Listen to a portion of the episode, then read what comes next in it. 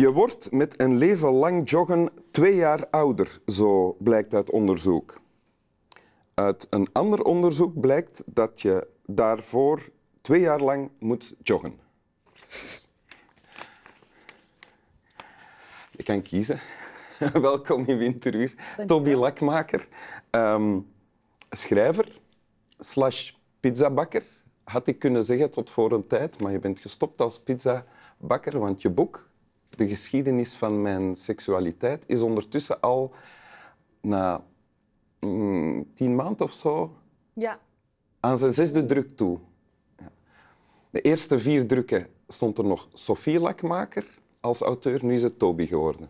Klopt. Voilà. En je komt helemaal uit Amsterdam naar Antwerpen om te praten met ons. Inderdaad.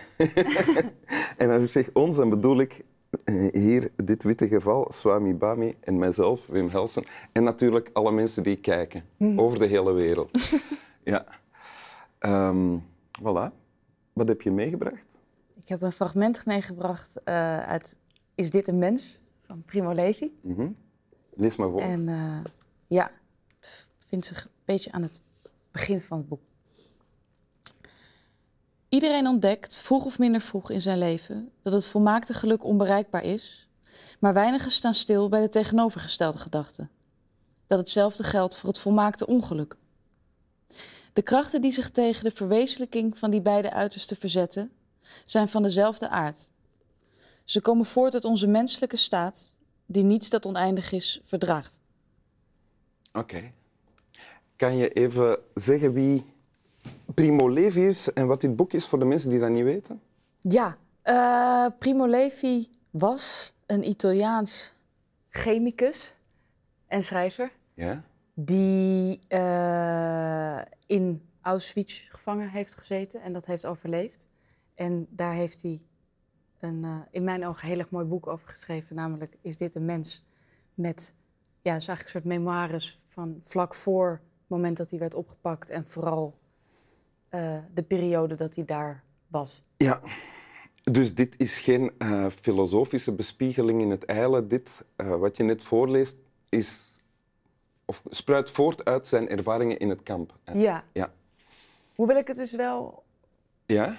Nou ja, ik vind wel, zeg maar, mensen noemen vaak iets filosofisch als het over het leven gaat. En ook de meest onzinnige, lege quotes over het leven gaan dan maar voor filosofisch door. Maar toen ik het nog eens las, dacht ik, ik vind dit wel qua scherpte echt eh, aan de maatstaven van filosofie voldoen. Oké, want wat staat er?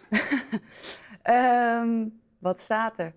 Nou, het is wel grappig, want ik kwam erachter eigenlijk toen ik het moest uitleggen voor jullie dat ik het zelf eerst in eerste instantie ook helemaal niet begreep. Dat ik het gewoon mooi vond, maar dat je wist het niet alleen dat je raakte, maar je wist niet goed hoe je erover moest praten. Ja, nou ja, ik had het volgens ook gewoon actief verkeerd begrepen volgens mij. Maar ehm, wat hij volgens mij bedoelt, want ik was eerst, dacht ik, hij bedoelt, hij heeft het wel over volmaakt ongeluk, want Auschwitz is volmaakt ongeluk, Ja. want erger wordt het niet.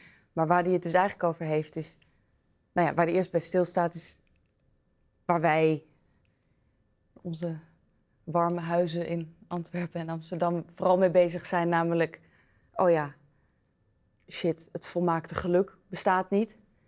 En tegelijkertijd denken we, ja, maar het tegenovergestelde bestaat wel, want eh, ja, al hele, ja, En dan is Auschwitz een voorbeeld van wat Ja, het volmaakte ongeluk is. ja, bij uitstek wat mensen aangrijpen om te zeggen dat dat, dat, dat is het ergste van het er. Dat is natuurlijk niet iets wat hij ontkracht in dit boek, maar Ja. wat hij meer eh, in het fragment zegt, volgens mij, en ook in het boek uiteindelijk in zijn geheel laat zien dat ehm, dat ongeluk ook telkens maar in fragmenten of gefragmenteerd komt eh, door kleine dagelijkse beslommeringen heen, zoals inderdaad heb ik de juiste maat schoenen gekregen toen ik hier binnenkwam, of heb ik, stond ik vooraan in de rij zodat ik iets meer soep kreeg of iets minder. Ja. Ehm, Wat je, wat je zegt, het Ja. voorbeeld van die schoenen is wel interessant, want daaruit put je ook in je eigen boek. ja, En in jouw boek staat ook een fragment uit eh, Is dit een mens? Mhm. Over de schoenen. Hè? ja. Eh, het was heel ja, belangrijk hoe voor de mensen die in Auschwitz toekwamen, iedereen moest alles afgeven en kreeg dan schoenen. En dan had- moest je maar geluk hebben, of, die, of de meesten hadden geen geluk, of die schoenen pasten. Hè?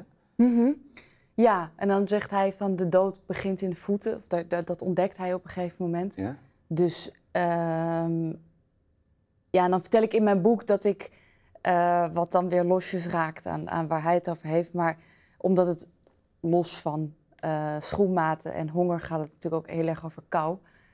Dat ik tijdlang zonder schoenen eh, en sokken 's winters door mijn huis ging lopen uit een soort vreemd Dat staat in- neiging om me in te leven. Dat ja. staat in jouw boek, maar heb je dat ook echt gedaan dan? Ehm, Of is dat een rottige vraag eigenlijk om te stellen? Nee, nou. ehm, eh, nee, eerlijkheid gebied te zeggen dat ik dus eigenlijk dat niet heb gedaan, maar wel andere vreemde dingen ben gaan doen.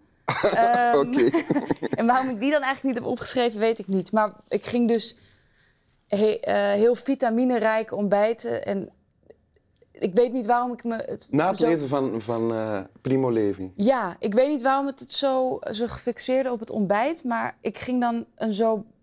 Ik, ik vond niet meer dat ik het kon maken om. Zoals vandaag bijvoorbeeld heb ik met een zwarte kop koffie en een croissant ontbeten. Dat was het. Dat was het. Maar ik dacht, ja, stel, ik zou in. Ik, ja, ik, ik leefde me dan zo in, of ik beelde me in dat er dat een, een Auschwitz-gevangene een soort van met mij mee at. Dus dacht ik, ja, dan kan ik niet maken om alleen een croissantje te eten. Dus dan ging ik fruit en brood en eieren eten. Veel meer dan je eigenlijk normaal zou eten. Ja, Ja. Dat deed je dan wel. en wat wel klopt is dat, want er staat ook in mijn boek- dat mijn moeder dan op een gegeven moment zegt, ben je helemaal gek geworden? Omdat ik deel met haar wat ik, welke tics ik heb ontwikkeld na het lezen van dit boek. En dat, ze heeft wel, ben je helemaal gek geworden Maar gezegd. eh, klopt het dat er een familielid van jou gestorven is in Auschwitz ook? Ja, ja daar, eh, dus mijn overgrootoma die is, eh, nou ja, dat is een beetje een soort van gruwelijk detail waarvan ik niet weet of het te doet, maar op haar verjaardag is die omgekomen in Auschwitz. En haar man, dus mijn overgrootopa ook, Ja. maar dan niet op zijn verjaardag. En ma- maakt dat jou nog ontvankelijker voor, eh, denk je, voor, voor de pijn van...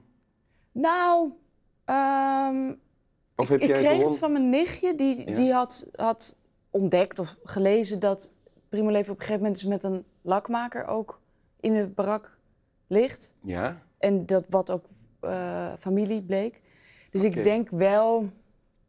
Toen ik het in eerste instantie las, eh, dacht ik, ik heb altijd wel eh, een beetje reserves gehad om een bepaald soort verdriet of ongeluk te claimen. Omdat ik dacht, ja, daar zitten toch, daar zit wel twee generaties tussen. Ja? Maar inmiddels ehm, kan ik me toch voorstellen dat het je nog, ja, ook omdat ik dus daarna nog heel lang, weet je, ideeën ontwikkelde, de- dus dat, dat ik de het, En, en Ja. hoe komt dat dan? Waar komt het dan vandaan? Heb je een overontwikkeld empathisch vermogen?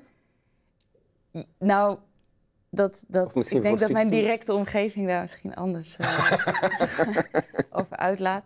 Maar ehm, nee, ja, maar bedoel, het zou dus ook goed kunnen dat het door mijn eigen familiegeschiedenis komt en, Ja. en, en dat het als het over een ander soort oorlog was gegaan, Ja. het misschien ook niet. Ja, ja. Oké. Het stukje dat je hebt gekozen eindigt met ze komen voort uit onze menselijke staat, Ja. die niets dat oneindig is verdraagt. Mhm. Begrijp je dat? Ik begrijp niet heel goed wat, wat daar staat. Ehm, Of hoe begrijp jij dat? Nou, ehm, het is wel zo dat hij vervolgens, maar dat stukje laten we nu niet zien, er nog iets over zegt wat iets begrijpelijker maakt. Ja? Zo van de dagelijkse beslommeringen maken Oh ja. dat we nooit volkomen gelukkig of volkomen ongelukkig zijn. Ja? En dit is natuurlijk inderdaad ietsje abstracter. En ehm, ik begrijp het. Ik begrijp het een beetje als eh, het feit dat je ook als mens misschien niet in staat bent om heel veel verder te zien dan die dagelijkse beslommeringen. Dus eh, Misschien gelukkig maar. Ja, in, in, in veel gevallen gelukkig, ja. Ja. Ehm, dus ja, ik denk dat het daar zo. Wil je het nog eens lezen? Zeker.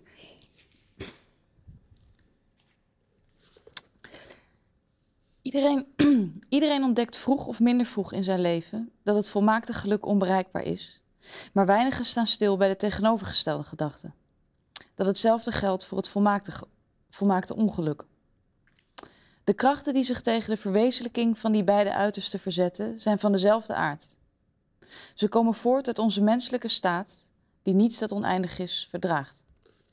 Dank u. Graag gedaan. Slap wel.